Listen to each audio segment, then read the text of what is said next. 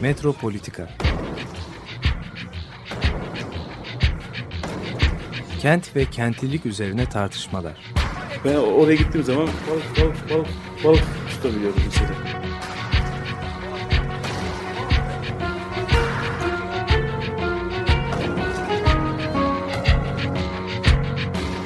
Hazırlayıp sunanlar Aysin Türkmen, Korhan Gümüş ve Murat Güvenç. Ki.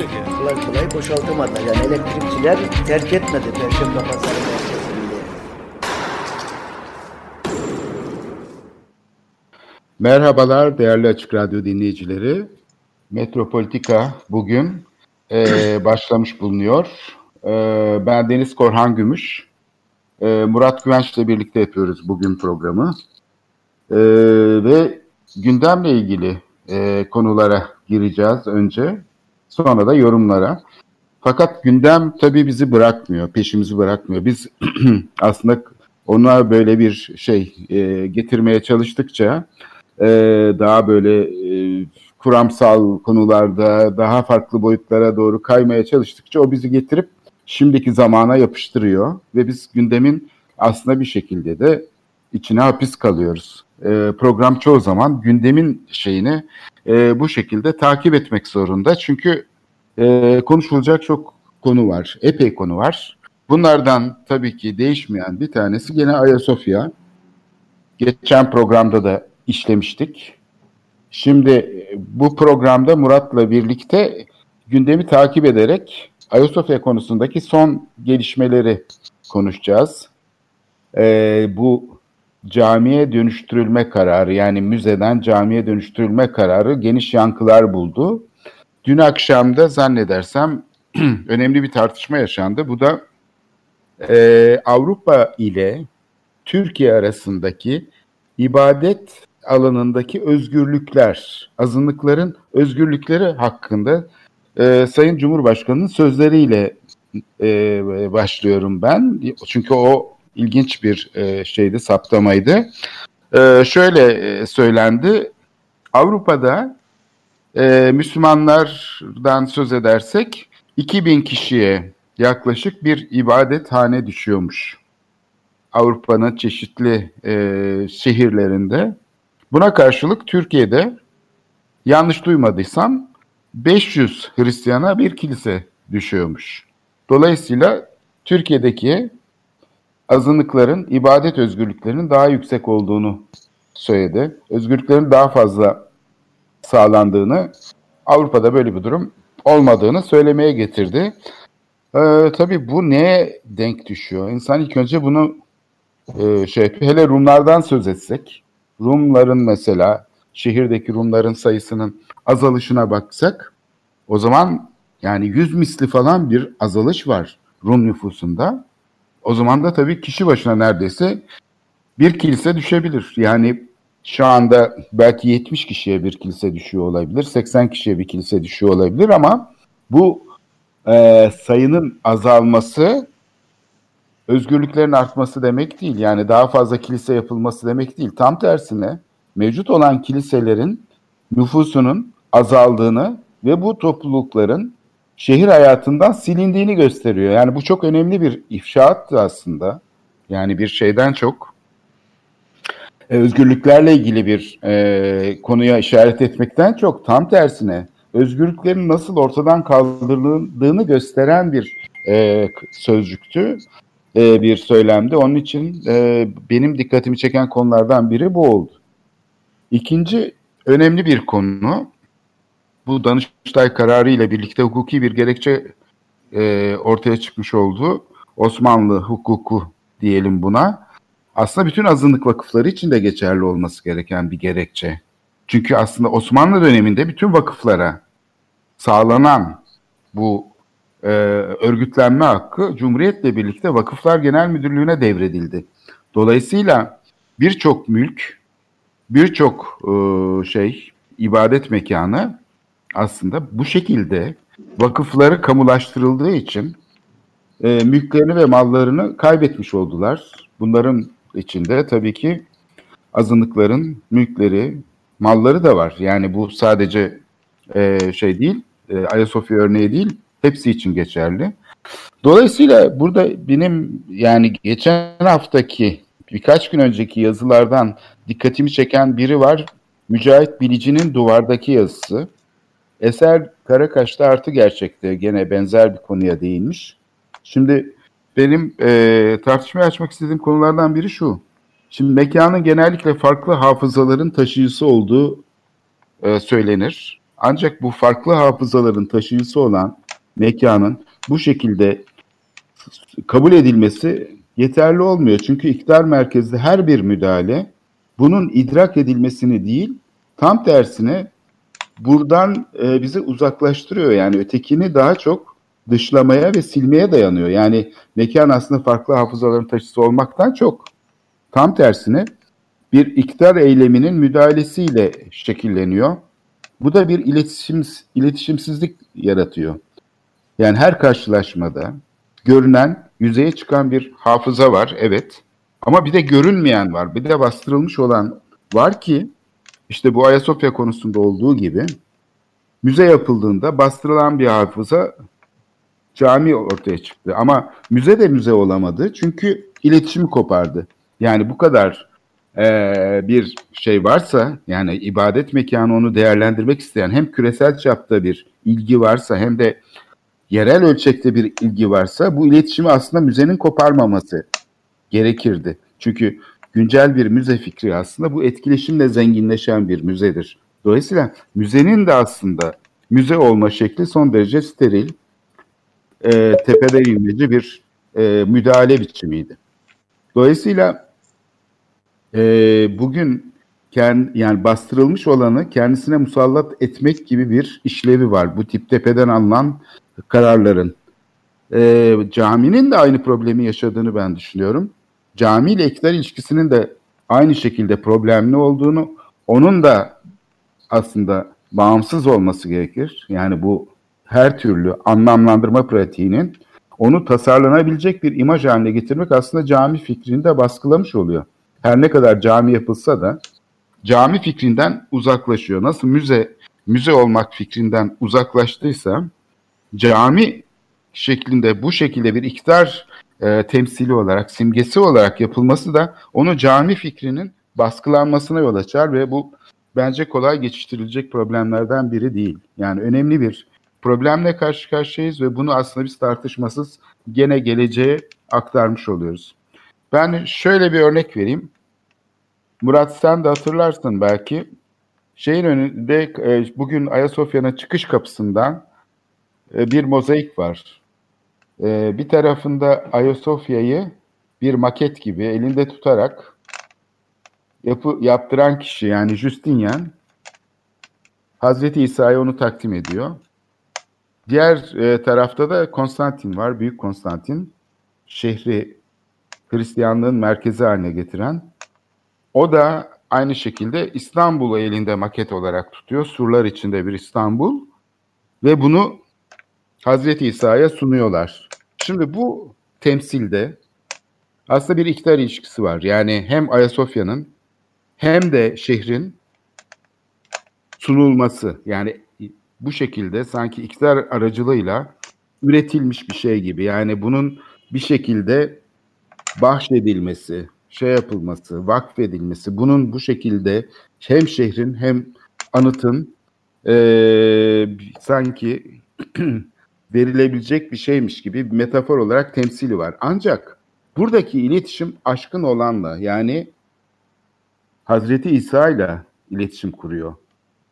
Milli modelde ise bu temsili dünyevileştirmek yerine ruhani yerine iktidarı koyuyor. Yani burada bir problem var. Yani bu model aslında gene aynı şekilde Ayasofya'yı sanki tanımlanabilir bir nesne olarak gösteriyor. Şehri de aynı şekilde bir nesne olarak gösteriyor ama bu, bu, bu problemi e, orta çağda çözmenin yolu onu ruhani bir şeye kavuşturmak. Dünyevileştirildiği anda bu temsil ruhani dünyanın yerine iktidar geçmiş oluyor. Bu aslında çok temel bir problem. Yani burada e, şeyin temsilin yeryüzüne inmesi ve bir tür e, şey olması. Yani bunların e, birer puta dönüşmesi gibi bir şey yaratıyor. Ortaçağ terimleriyle söylersek. Dolayısıyla temsillerin iktidarla ilişkisi her zaman bu şekilde problemli diye düşünüyorum. Evet. Ayasofya'nın tabii muhteşem bir anıt, bakanlık bürokrasisi tarafından yönetilemiyordu. Müze denilen yer aslında herhangi bir otopark işletmesinden ya da başka bir şeyden farklı değildi. E, turistler gezdiriliyordu, kapıda bilet kesiliyordu. Yani müze fikrini de işleyemedi bu e, müdahale. 1935'lerde gerçekleşmiş olan müdahale aslında mu, arkasında muazzam bir entelektüel şey yaratabilecek bir e, yapı olmasına rağmen fakat ona bağlı olan 9 tane mücevher gibi Bizans kilisesi de var. Ayasofya Müzesi'ne bağlı. Biz bunları genellikle unutuyoruz. Yani e, o kiliselerin e, yönetimi, onarımı, bakımı, tanıtılması bunlardan tabii ilk akla gelen Kariye.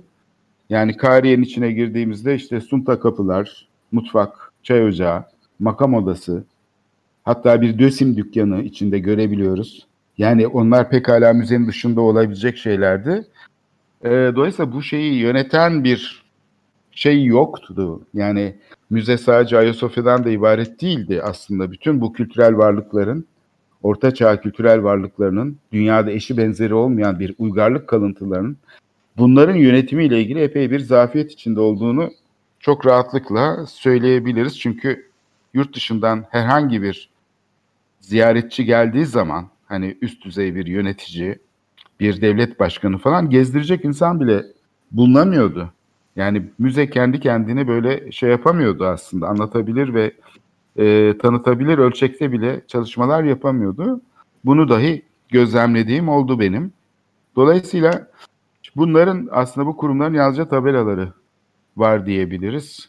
Aslında hayırseverlik kurumlarının içine izole edilmiş bir müze fikri var şu anda sadece. Devlet müzelerinin çoğunda aynı problem var. Topkapı Sarayı'nda da aynı problem var. Diğerlerinde de var. Dolayısıyla bu müze meselesinden başlayarak e, şeye e, yönetimle ilgili problemi ben biraz e, şey yapmış özetlemek istedim. E, Ayasofya gibi bir yapının yani e, vakıf olarak yönetiminin tamamen aslında geçmişte bağımsız olduğunu ve caminin de sadece bir ibadet ibadethane olmadığını çok anlamlı, çok katmanlı bir şey olduğunu, e, bir e, merkez olduğunu e, kabul etmek gerekiyor. Oysa ki bir iktidar problematiği içinde cami sadece bir temsile dönüşüyor. Bir heykel gibi görülüyor. Oysa ki bu kadar baskılanmış bir şey olmaması gerekir diye düşünüyorum. Evet tabii bu senin e, yaptığın sunuş çok e, soyut olarak bu süreci çok e, ayrıntılı olarak ortaya koydu. Yani zaten e, eğer e, anlatının kendisine bakarsan, kullanılan kelimlere bakarsan e, müzeden müze olmaktan çıkarıp cami yaktık denmiyor. E, ibadete açıldı diyor. Yani olanın bir e, cami e, kapsamına girmediği de sadece ibadet yeri haline geldiğini söylüyor. E, demin senin söylediğin işte bu simgenin anlamını veren e, ve bu müdahaleyi meşrulaştıran e, eylem olarak da e, sen o demin e, şeyi e, işte e, anıtı e, İsa'ya sunan e, mozaikten bahsettin. E, işte şehri İsa'ya sunan şeyden yani burada bir dünya dışı yani uhrevi bir güce e, şey yapılan bir e, sunum var e, ve meşruiyet o yani o, o bu sunumdan alıyor yani işte bu büyük mabet yapıldı, anıt yapıldı ve İsa'ya sunuldu. Tabi bu işte Hristiyan öğretisi içerisinde bir kendine mabede hem bir dokunulmazlık hem de bir meşruiyet kazanıyor, kazandırıyor. Şimdiki operasyonda ise meşruiyet e, şeyden e, ulusal e, egemenlikten alıyor. Yani bu bu şey, bu anıt bizim topraklarımızın içerisinde. Burası bizim egemenlik alanımızda. Onun için biz bunu yani bu bizim yapılan iş egemenliğin bir şeyidir. E, egemenliğin bir bize vermiş olduğu istersek kullanabileceğimiz, istersek başka biçimlerde kullanabileceğimiz bir şeyin hakkın tezahürüdür. Yani üçüncü şahısların buna hiçbir şeyi diyeceği olamaz e, denilmek isteniyor. Tabii bu yaklaşım e, taraf olduğumuz pek çok e, şeyle e, hani sözüne bakılırsa işte uluslararası kültür e, değerlerinin koruması ile ilgili pek çok e, anlaşmanın e, lafzına olmasa bile çünkü burada egemenlik egemenliği şey yapan e, hiçbir şey yok. Ama bu tür bir e, girişim bu tür bir düşünce biçimi işte insanlığın ortak mirası olan e, anıtlar e, kavramıyla e, yüzde yüz ve kolayca bağdaştırılabilir bir yaklaşım değil. Yani sonunda sonunda e, müze olarak e, işlevini bugünkü mod, modern müze kapsamında hemen hemen pek e, yerine getirmekte çok zorlanan, senin söylediğin gibi bir çeşit ziyaret yeri, paralı paralı girilen bir ziyaret yeri olmanın ötesine geçemeyen bir e, hazineyi biz bugün ibadete e, açmış olduk. Yani buna karşı tabii söylenebilecek çok çok şey yok. Çünkü bu bu yoruma karşı ama demin senin söylediğin e, nokta ve geçen hafta bizim Ahmet Bey'le de tartıştığımız nokta önemli. Çünkü burası müze iken bu müzenin e, kendine e, yerel toplumla, e, uluslararası topluluklarla şey yapan, e, e, ilişki kuran bir bir faaliyet programı yoktu veya ben hatırlamıyorum en azından ben buna tanık olmadım. Yani bunun içerisinde e, Ayasofya Müzesi'nin veya müzelerinin senin söylediğin gibi bir sergi programı, bir gösteri programı, bir e, bilim kurulu, bir yayınları, bir şeyini bilmiyorum. Acaba bir web sitesi var mıydı? Ondan da emin değilim. Yani e, Ayasofya'yı sanal bir müze olarak gezmeyi kolaylaştıran bir şeyi var mıydı? Ondan da emin değilim. Yani müzecilik deneyimi açısından e, Türkiye'nin en fazla ziyaret edilen e, yerlerinden bir tanesiydi ama e, uzman olmayana burayı anlatmak, buranın önemini anlatmak konusunda mesela çocuklara e, çok da ileriye gittiğimiz e, söylemez. Yani müze açısından da e, bir, sıkıntılı bir yer olduğunu ve çağdaş müze anlayışını da çok uymayan bir sergileme yapıldığını biliyoruz. Şimdi bu durumda bunun ibadet alanı olarak bir şeyini göreceğiz. Herhalde bu da tanık olacağız nasıl yapılacak.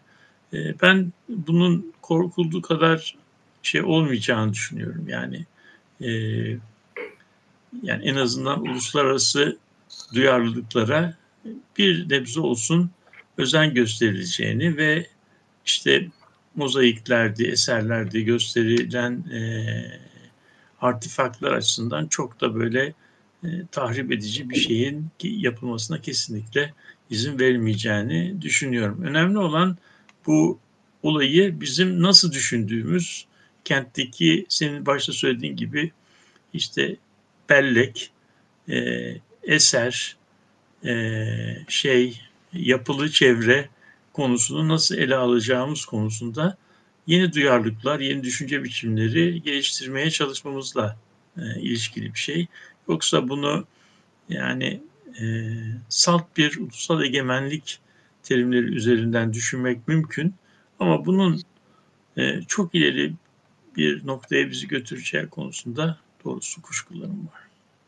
Aslında bir laboratuvar gibi yani bu karşı karşıya olduğumuz durum e, yani bu modernleşme pratiğinin e, bütün şeylerini gösteriyor.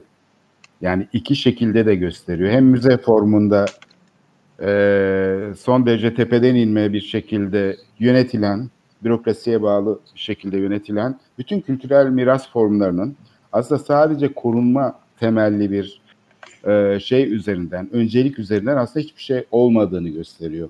Ahmet Ersoy'un da dikkati çektiği gibi hani bir müzenin aslında işi nedir? Yani bugünkü güncel müzenin aslında işlevi nedir? İlk önce ona yüklenen anlamlarla bağ kurmaktır, iletişim kurmaktır değil mi? Küresel evet. ölçekte bakarsan Hristiyanlığın bin senelik anıtı.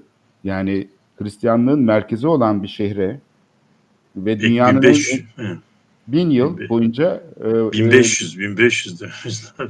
Bin yıl e, Hristiyanlığın şeyi olarak en büyük anıtı olarak kalıyor. 500 yılda cami olarak kalıyor. Ve bunun bu ikisi de önemli hafızası bu anıtın. Yani arka arkaya gelen ve biz bunu ulus devletin içindeki bir modernleşme pratiğinin içindeki görüntüye indirgiyoruz. Ve müze yaptığımız zaman da aslında bu bir müze değil. Ve hiçbir zaman müzeye benzemiyor. E, cami olduğunda da aslında aynı problem var. Yani ikisinde de aynı modernleşme pratiğinin izlerini görüyoruz. Çünkü bir nesne olarak bu anlamlandırma pratiği gerçekleşiyor. Ee, evet. Burada yani Ayasofya üzerinden baktığımız zaman aslında İstanbul surları için de aynı şeyi söyleyebiliriz. Yeni kapı kazıları için de aynı şeyi söyleyebiliriz. Bütün kültürel miras problematiğinin aslında bu sığ anlamlandırma şeyi içinde nasıl e, tersine döndüğünü, bu kuralların aslında hiçbir şeyinde aslında çalışmadığını e, tepeden inme. Yani bir şehircilik aslında deneyimi olarak da Ayasofya'yı algılayabiliriz. Çünkü İstanbul gibi bir şehrin herhalde en önemli şeylerinden biri, anlam dünyasındaki en önemli anıtlardan biri herhalde Ayasofya. Bunun tartışması bile yapılamaz. Küresel bir şeye sahip bir kere. Şimdi bunu 1453 ile anlamlandırmaya çalışmak tamamen 1453'ü getirip bugünün ulusalca şeyin içine yapıştırmak demek gibi bir şey. 1453'te olmuş olan fetih olayını 1950'lerden sonra yeniden keşfedip onu kutlamalarla, şeylerle bir ulusalcı kılıfa büründürmek tamamen zaten e, olayı bugüne taşıyor. O zaman bugüne taşıyorsak her şeyi eş zamanlılık olarak onu ona yüklenen bütün anlamları bu müzenin eş zamanlık düzleminde taşıması gerekirdi. Yani bütün bu anlamları aslında şeye işlemesi ve onları harekete geçirmesi, onları özgürleştirmesi gerekirdi. Burada çok temel bir kültürel miras problematiği var. Çünkü biz nesne olarak binanın korunmasını ve restore edilmesini anlıyoruz sadece. Kültürel miras dediğimiz zaman. Bütün bu zihinsel eylemlikleri bastıran, onların şehir için taşıdığı anlamları yok eden, bütün planlama pratiklerine kadar bunu belki uzatabiliriz. Yani hepsinde de benzer bir modernleşme pratiği var. Bu modernleşme pratiğinin aslında tersiz olduğu bir e, dönemden geçiyoruz. E, tabii şimdi sen hatırlayacaksın yani bu bunun belki en e, çarpıcı örneklerinden bir tanesi Habitat e, programının zaman içinde e, geçirdiği değişimdir. Yani şimdi e, şey Habitat olsun, UNESCO olsun, işte Dünya Sağlık Teşkilatı olsun, işte ne bileyim ben Dünya Gıda Teşkilatı olsun. Bunların hepsi yani İkinci Dünya Savaşı'ndan sonra e, yükselen işte Keynesçi bir e, dünya sistemi kapsamında ve de ulus ulusu esas olan esas olarak alan e, uluslararası kuruluşlar. Adları da zaten uluslararası kuruluşlar. Yani global kuruluşlar değil, uluslararası kuruluşlar. Yani burada burada e, şeyin e, karar verici e, şey e, ve eyleyici aktör ulus devlet oluyor. Yani o zaman programların başarısı ulus devletlerin katkısı ne kadarsa o kadar e, oluyor. Şimdi bu, bu, bunu şey yapacak yani buna karşı çıkacak bir tarafımız yok. Dünya sistemi böyle böyle kurmuş. Ama e, 1945'ten bu günümüze geldiğimiz zaman önemli bir şey görüyoruz. Özellikle bu 1970'lerden sonra e, ne görüyoruz? İşte Keynesçi planlamacı e, ve ulus devletin odağında yer aldığı birikim sistemi giderek e, zayıflıyor. Bunun yerine işte küresel ilişkilerin, kentlerin, yerelliklerin, sivil toplumun daha önem kazandığı e, alternatif bir e, yönetişim biçimi ortaya çıkıyor. Yani bu kent planlamada da böyle, mimarlık alanında da böyle, e, peyzaj planlamasında da böyle, tarihi çevre e, planlamasında da böyle. Yani burada e, şeyin artık yani bizim e, senin demin işaret ettiğin müzenin bir e, sergileme, seyir yeri, ziyaret yeri olmaktan çıkarıp şeyle toplumla ilişki kuran ve o şeyi e, sergilenen şeyin toplumsal anlamını hem taşıyan hem de yeniden e, kuran bir e, işlevle donanması e, son 20 30 40 yılın e, şeyi yani modern müzeler artık e, bir sergileme alanı olmaktan çıkarıp çıkıp şeyle izleyicisiyle şey yapan e, ilişki kuran bir bir yapıya dönüşüyorlar. Yani müzelerin e, müzelerin tıpkı vakıf gibi üyeleri oluyor. Yani müze bir defa ziyaret edildikçe bitmiyor çünkü müzenin e, programları bitmiyor. Müze sürekli olarak izleyicisiyle e, bir diyalog içinde oluyor ve işte her yıl bilim kurulu, e, iletişim kurulunun e, geliştirdiği programlarla internet üzerinden çoklu ortamda şeyle izleyicisiyle e, bir temas içinde oluyor. Bunu e, İstanbul'daki hangi müze e, yapıyor dediğimizde yani benim bir de bildiğim kadarıyla belki özel müzeler buna e, kamu müzelerinden daha yakın e, vaziyetteler. İşte İnsan Sabancı Müzesi'ndeki sergilerin her birisinin e, ilanlarını ve programlarını şey yapıyor. Yani burada müze bir koleksiyonun sergilendiği yer olmaktan çıkıyor.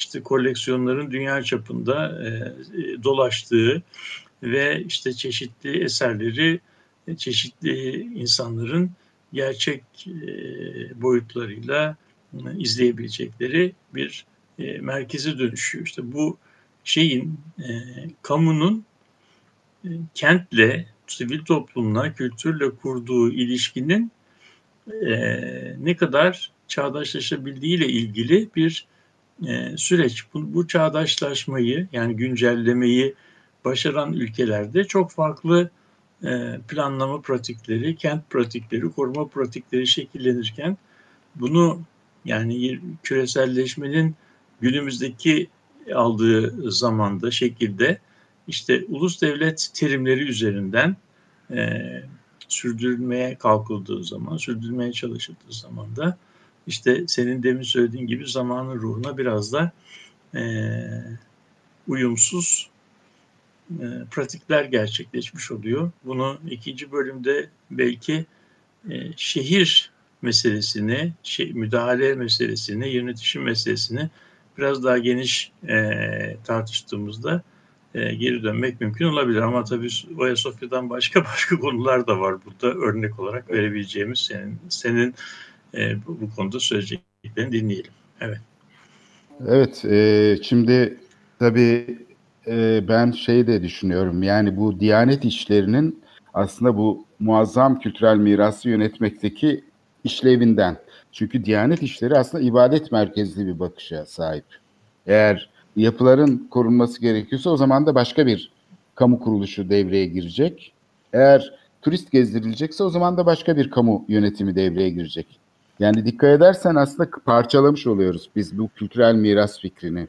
Yani Diyanet İşleri ibadet tanımlıyor.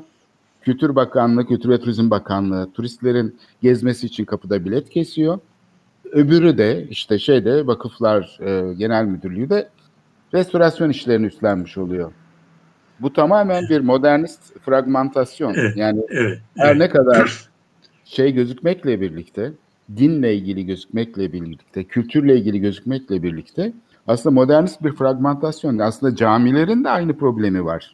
Yani Tabii, camilerin tabii. de ibadet diye ayrıştırılmış bir işleve sahip olması ve aynı zamanda da restorasyon diye tamamen anonim kalıplar altında gerçekleşen bir koruma faaliyetine açılması aslında modernist devletin, tepeden inmeci modernist devletin tezahürleri. Yani biz zannediyoruz ki hani laik tarafta, seküler tarafta problem var orada işte tepeden inmeci kararlar alınmış, müzeleştirme kararı. Hayır, dinsel alanda da aynı tepeden inmecilik ve aynı steril yaklaşım var. Çünkü seksiyonlara ayırıyor bütün kamusal hayatı. Oysa ki kamusal hayatın etkileşimli bir şeye sahip olduğunu, anlam dünyasına sahip olduğunu, bunun basitçe böyle bir şeyi karşılamak, ihtiyacı karşılamak işlevi olmadığını, insanlarla iletişim kurarak onları geliştiren bir şey olduğunu kamu hayatının e, düşünmek gerekiyor. Tabii burada çok e, şey bir e, durum var aslında. Yani dediğim gibi laboratuvar konusu olabilecek bir konu bu Ayasofya meselesi ve hala bunun tam anlaşıldığını zannetmiyorum. Çünkü işte taraftar olmak e, yetiyor yani şu anda aslında tam da bizim kamu hayatımızı felç eden bir e, durumdayız. Herhalde farklı bir noktaya gitmek için de üzerinde epey bir tartışılacak. Çünkü bu bitmeyecek. Yani bunun etkileri e, devam ediyor. E, daha sonrasında çünkü problem taşınmış oluyor. İstersen bir ara verelim. Bugün ne dinleyelim? Pink Floyd'dan istersen High Hopes'u dinleyelim. High Hopes, Pink, Pink Floyd.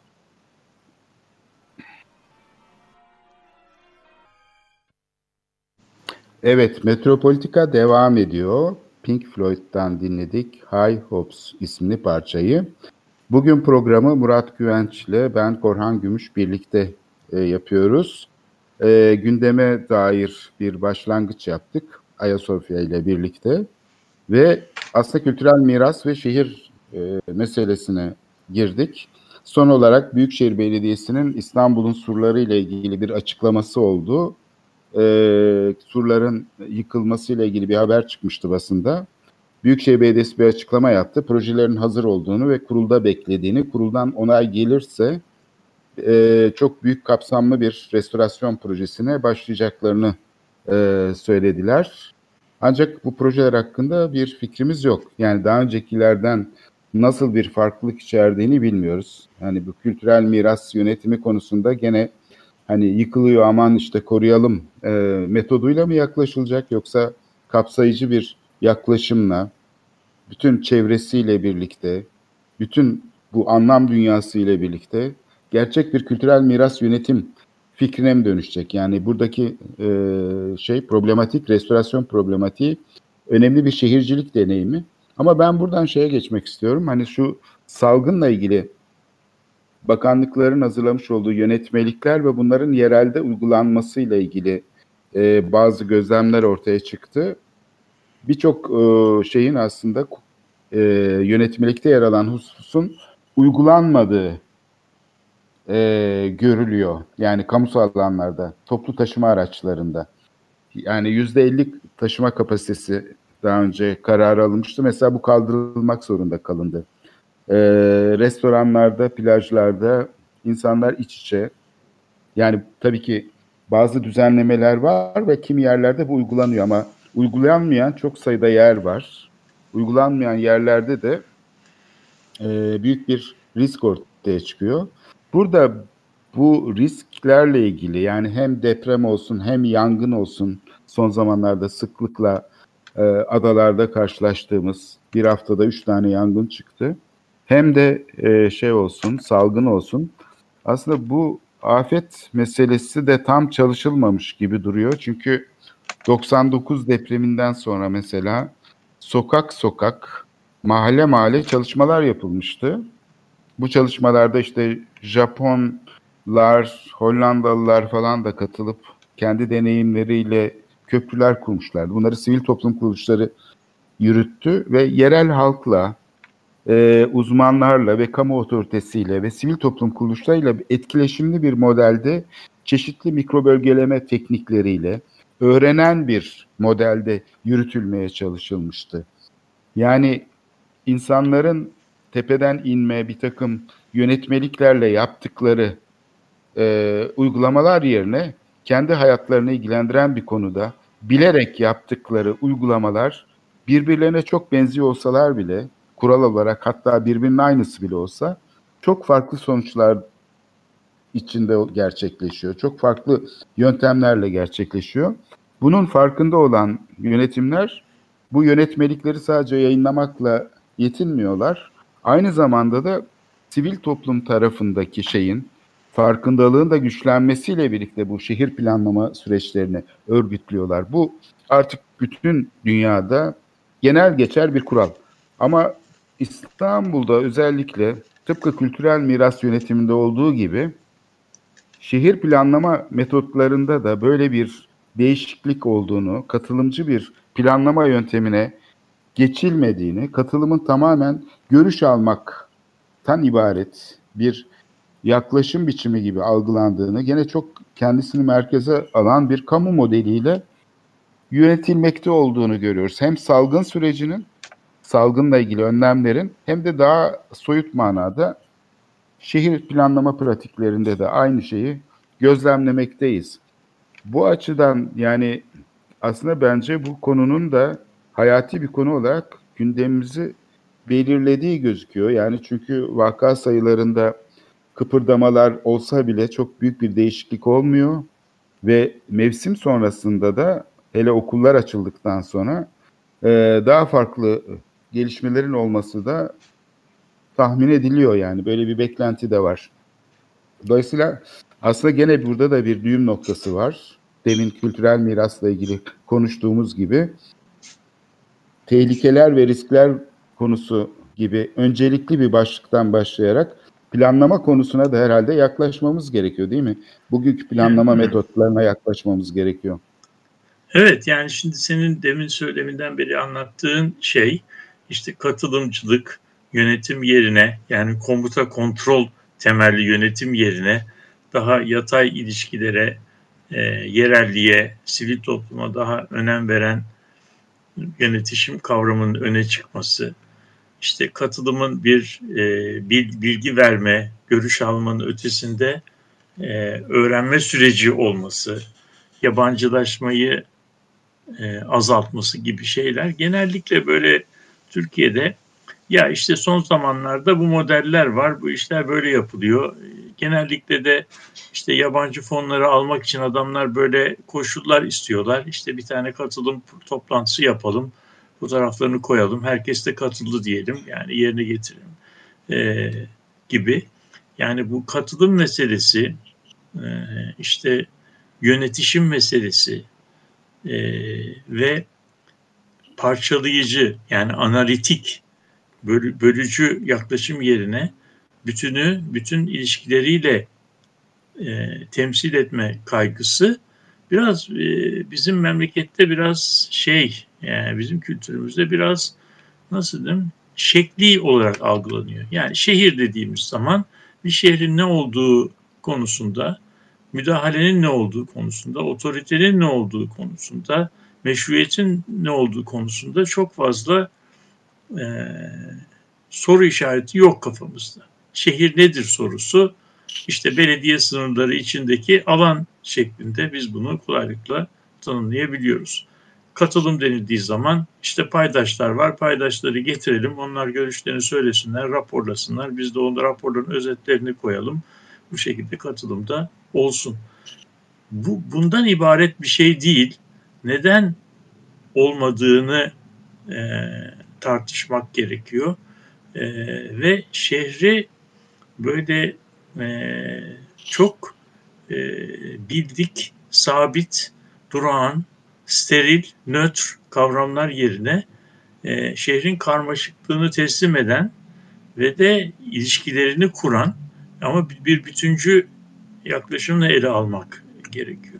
Yani bizim şu andaki planlama pratiklerimiz üzerinde bir eleştirel düşünceye, e, eleştiriye gerek var. Bizim planlama sistemimiz acaba e, planladığını iddia ettiği şeyi doğru tahayyül ediyor mu, doğru e, temsil ediyor mu, doğru tanımlayabiliyor mu? Bunu, bunun içerisinde belki şehirden e, hareket etmek en doğrusu. Şehir acaba bizim e, yönetim sistemimizde tanımını bulan şey mi? Şehir herhalde bizim yönetim sistemimizde eskiden beri belediye sınırları içinde kalan e, alan olarak tanımlanır. Bu sınır içinde kalan alanda e, aslında kendini bu sınırın içinde ne olduğuyla değil de sınırın dışında ne olduğu ile tanımlanır. Yani sınırın dışında bu belediye sınırlarının dışındaki alanda da biz kırsal bir yaşam biçiminin olduğunu, orada şehrin içinde olduğundan daha farklı e, ilişki biçimlerinin e, e, şey olduğunu, geçerli olduğunu düşünürüz.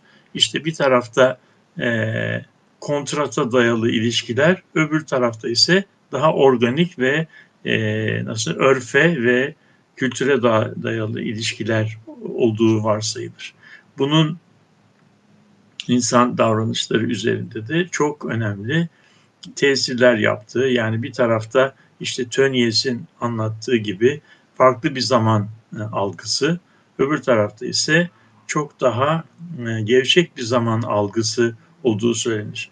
Yani Zimmer mesela şey der, e, işte Berlin'deki bütün saatler 10 dakika gecikmiş olsa işte dünya sisteminde çok muazzam bir şey nasıl diyeyim kriz durumu ortaya çıkar. Çünkü bu bütün dünyadaki bütün sistemler, bütün programlar bu mekanik saat sistemine göre çalışır. Halbuki kırsal alanda işte yani buradan buraya kaç dakikada gidilir sorusunun cevabı genellikle ya oradan oraya gitmek iki cigara içimlik yoldur denir. Yani orada böyle çok e, hassas bir şeye e, nasıl diyelim ölçüme, zaman ölçümüne e, şey yoktur, yer yoktur.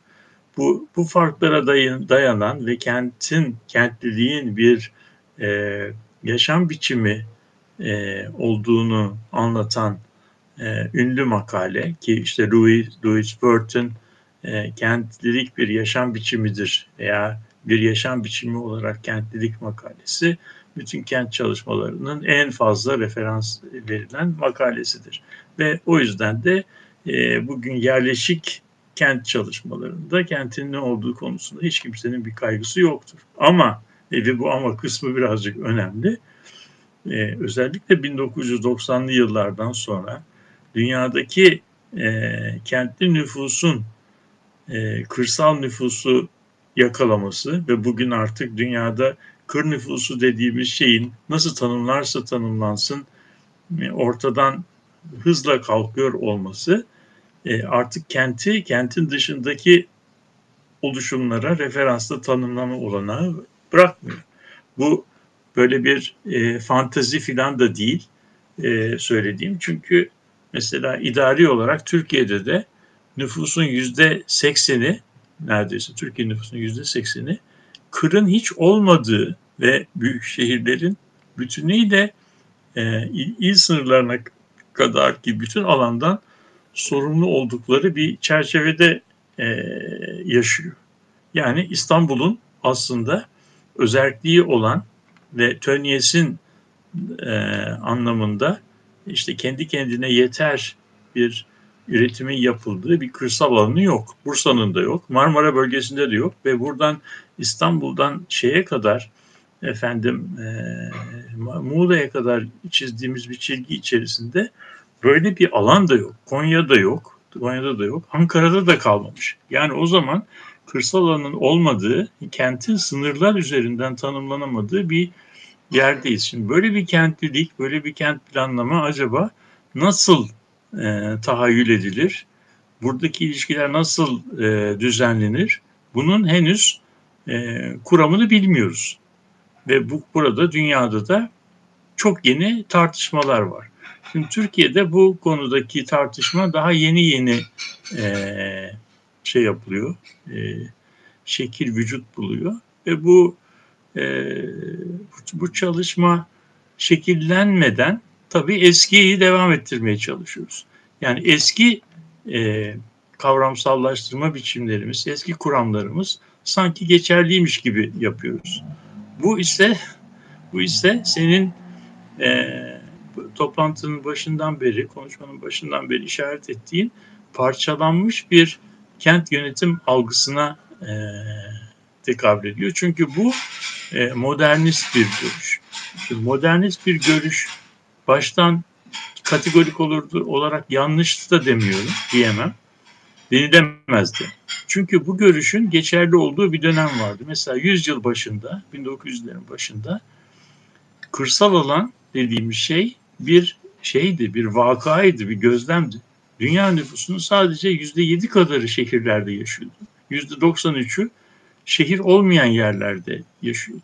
E bugün bu oranlar neredeyse tamam, tamamen tersine dönmüş vaziyette ve e, artık geçimlik üretim yapan ve işte Tönnies'in e, organik ilişkilerin hakimiyetinde olan bir kırsal alan yok.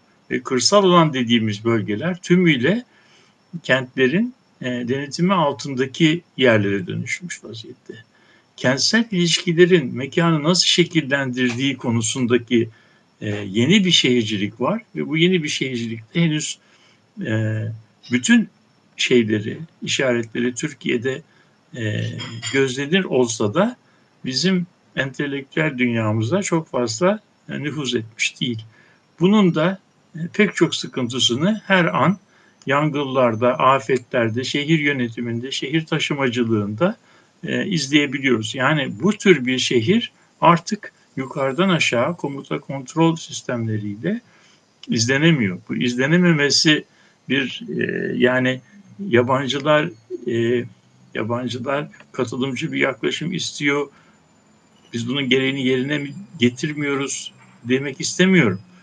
Buradaki içinde bulunduğumuz ilişki sistemi komuta, kontrol, kademelenme terimleriyle e, anlaşılamıyor ve yönetilemiyor. Burada bambaşka bir yönetim anlayışına ihtiyaç var ve biz bu yanlış yönetim anlayışını e, na geçişi bir e, gündeme getirmediğimiz takdirde yani eski model bu durumu da halledebilirmiş gibi yapmaya devam ettiğimiz takdirde e, korkarım e, bu yeni oluşumları en e, etkin bir şekilde e, yönetemeyeceğiz. Benim söyleyebileceklerim bunlar biraz uzun oldu ama.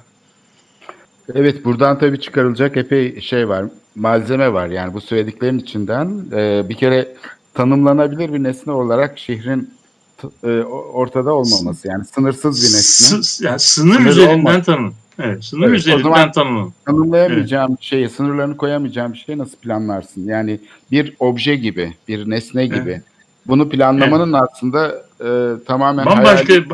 bambaşka bir şey. Yani bunun üzerinde de bir takım planlar yapılabilir ama bu planların bizim bildiğimiz planlara ve duvara asılan şemalara benzemeyen yapıda olması gerekiyor. Yeni teknolojiler, yeni müdahale biçimleri, yeni katılım biçimlerini tahayyül etmek gerekiyor. Bu da bambaşka bir duyarlılık gerektiriyor gibi geliyor bana. Bilmiyorum. Yani. Ya benim dikkatimi çeken bir ikinci nokta daha var. E, siyasal ideolojiler e, ne yaparsa yapsın bu yapı değişmiyor. Yani mesela Kültür Bakanlığı'ndan Diyanet'e geçiyor diyelim ki ya da vakıflara geçiyor yetki ama gene aynı şekilde son derece merkeziyetçi bir yapıya dönüşüyor. Yani hiçbir zaman e, yani bu şey vardır hacı yatmaz gibi bir şey. Hani ağırlık hep e, şeyinde kurşun vardır çünkü içinde altında. Hiçbir zaman yatay olmaz, hep dik durur. E, bizim kamu modeli de böyle. İçinde öyle bir kurşun var ki dibinde. İstediğin kadar yatırmaya çalış, yataylaştırmaya çalış. O gene kendi bildiğini okuyor tam ters görüntü verse de gene aynı şekilde dimdik duruyor.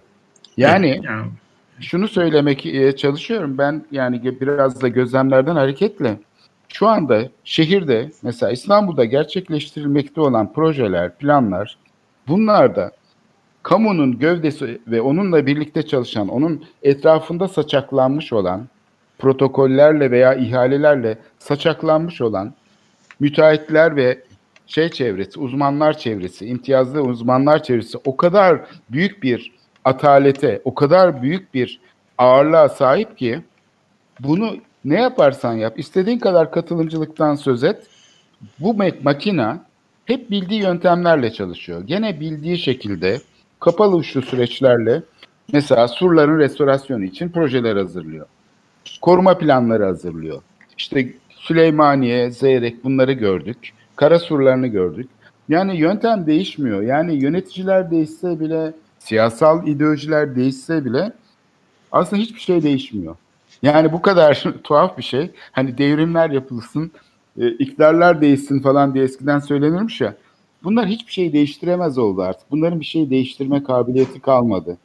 Çünkü yöntemsel olarak hiçbir şey değiştirmiyor. Dolayısıyla sorunun içinden yani bu kriz krizler mesela bu krizlerin yönetimi, salgın, deprem gibi konular aslında bu, bunun için işaret şeyleri, fişekleri gibi duruyor. Yani buralardan bir şeyler çıkarılıp belki sistemi yenilemek için küçük adımlar atılabilir. Bütün her şeyi değiştirmek imkansız. Bütün Tabii, her şeyi tabii. bir anda değiştirmenin imkanı yok. Fakat küçücük başarılar, küçücük yenilikler eğer bunlar nefes alabilirse o filizlenen gelişmeler küçücük de olsa yaşamaya devam edebilirse o zaman umutlar artabilir. Asıl mesele bu filizlenen değişikliklerin, yeniliklerin berhava edilmesi. Yani Türkiye'de bu çok yaşanıyor. Yani bir şeyler filizlenir gibi oluyor. Deprem sonrası, 99 depremi sonrası mesela acayip bir şey ortaya çıktı. Yani bir sivil toplum hareketi ortaya çıktı ve güçlü bir şekilde devraldı kamusal sorumlulukları. E, 96'daki Habitat konferansından sonra keza böyle bir sivil oluşum ortaya çıktı. Fakat bu filizlenen şeyler çoğu zaman siyasal şey o kadar güçlü ki bunun kendisi için bir risk teşkil ettiğini fark ediyor. Evet, evet. evet. Yani Avrupa Kültür Başkenti'nde olduğu gibi. Bunun nasıl bir risk taşıdığını fark ettiği için ideolojik şeylerle çok kolaylıkla bu sivil toplum alanına buğu veriyor ve sistem tekrar eskisine aslında rücu ediyor. Dolayısıyla e, yani bunu bu üzerinde epey çalışmak lazım. Niye sürdürülebilir olamıyor yenilikler? Çünkü, çünkü benim benim benim bir şeyim var. Yani benim bu konuda bir e, teorim var. O da yani bizim aslında e, katılımcılık yöntem e, yöntem sorunu, katılımcılık, modernleşme, yeni pratikler, iyi örnekler gibi e, gördüğümüz bütün yönteme dair, usule dair e, şeyler, e, pratikler aslında örtük olarak bir şey, e, iktidarın paylaşımında yani yetkinin paylaşımında bir e, şey içeriyor. Değişiklik öngörüyor. Başarılı yani e, ne, bu, bu bunun hayata geçmesi için e, şeyin e, literatürde müellif dediği bir şeyin yani yapan adamın, süjenin yani o iktidardaki aktörün bir iki adım geriye çekilmesi ve sonunda aslında kimin tarafından yapıldığı çok da belli olmayan yani işte bunu ben yaptım deyip de halkı selamlayacak bir e, şeyin kahramanı çok da belirgin olmadığı bir eser yapmak gerekiyor. Bu tabii var olan güç yapısı üzerinde değil mi? Yani muazzam bir değişikliğe e, yol açıyor. Evet. E tabii Evet. e, bu bu bu şey yani müellifinin belirsiz olduğu e, operasyonların hayata geçirilmesi bir şey, bir sıkıntı, bir sıkıntı.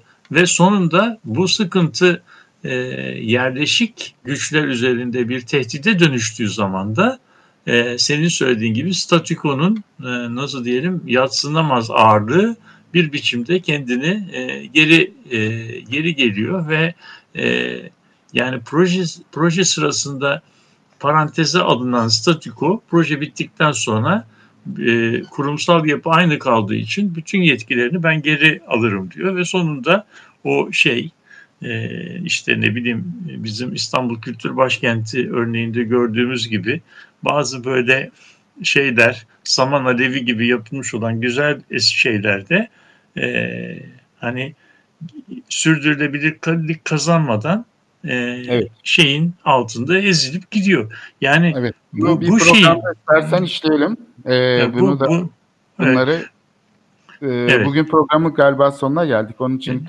e, burada noktalayalım istersen. E, destekçimize de teşekkür edelim İpek Hamzoğlu'na.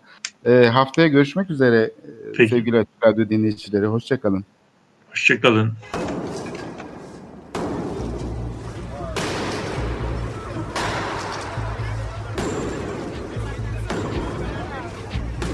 Metropolitika Kent ve kentlilik üzerine tartışmalar. Ben oraya gittiğim zaman balık balık balık balık tutabiliyorum mesela.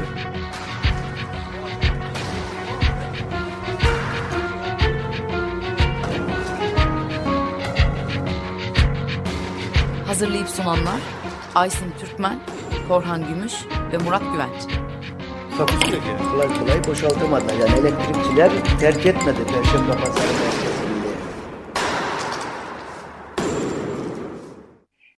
Açık Radyo program destekçisi olun. Bir veya daha fazla programa destek olmak için 212 alan koduyla 343 41 41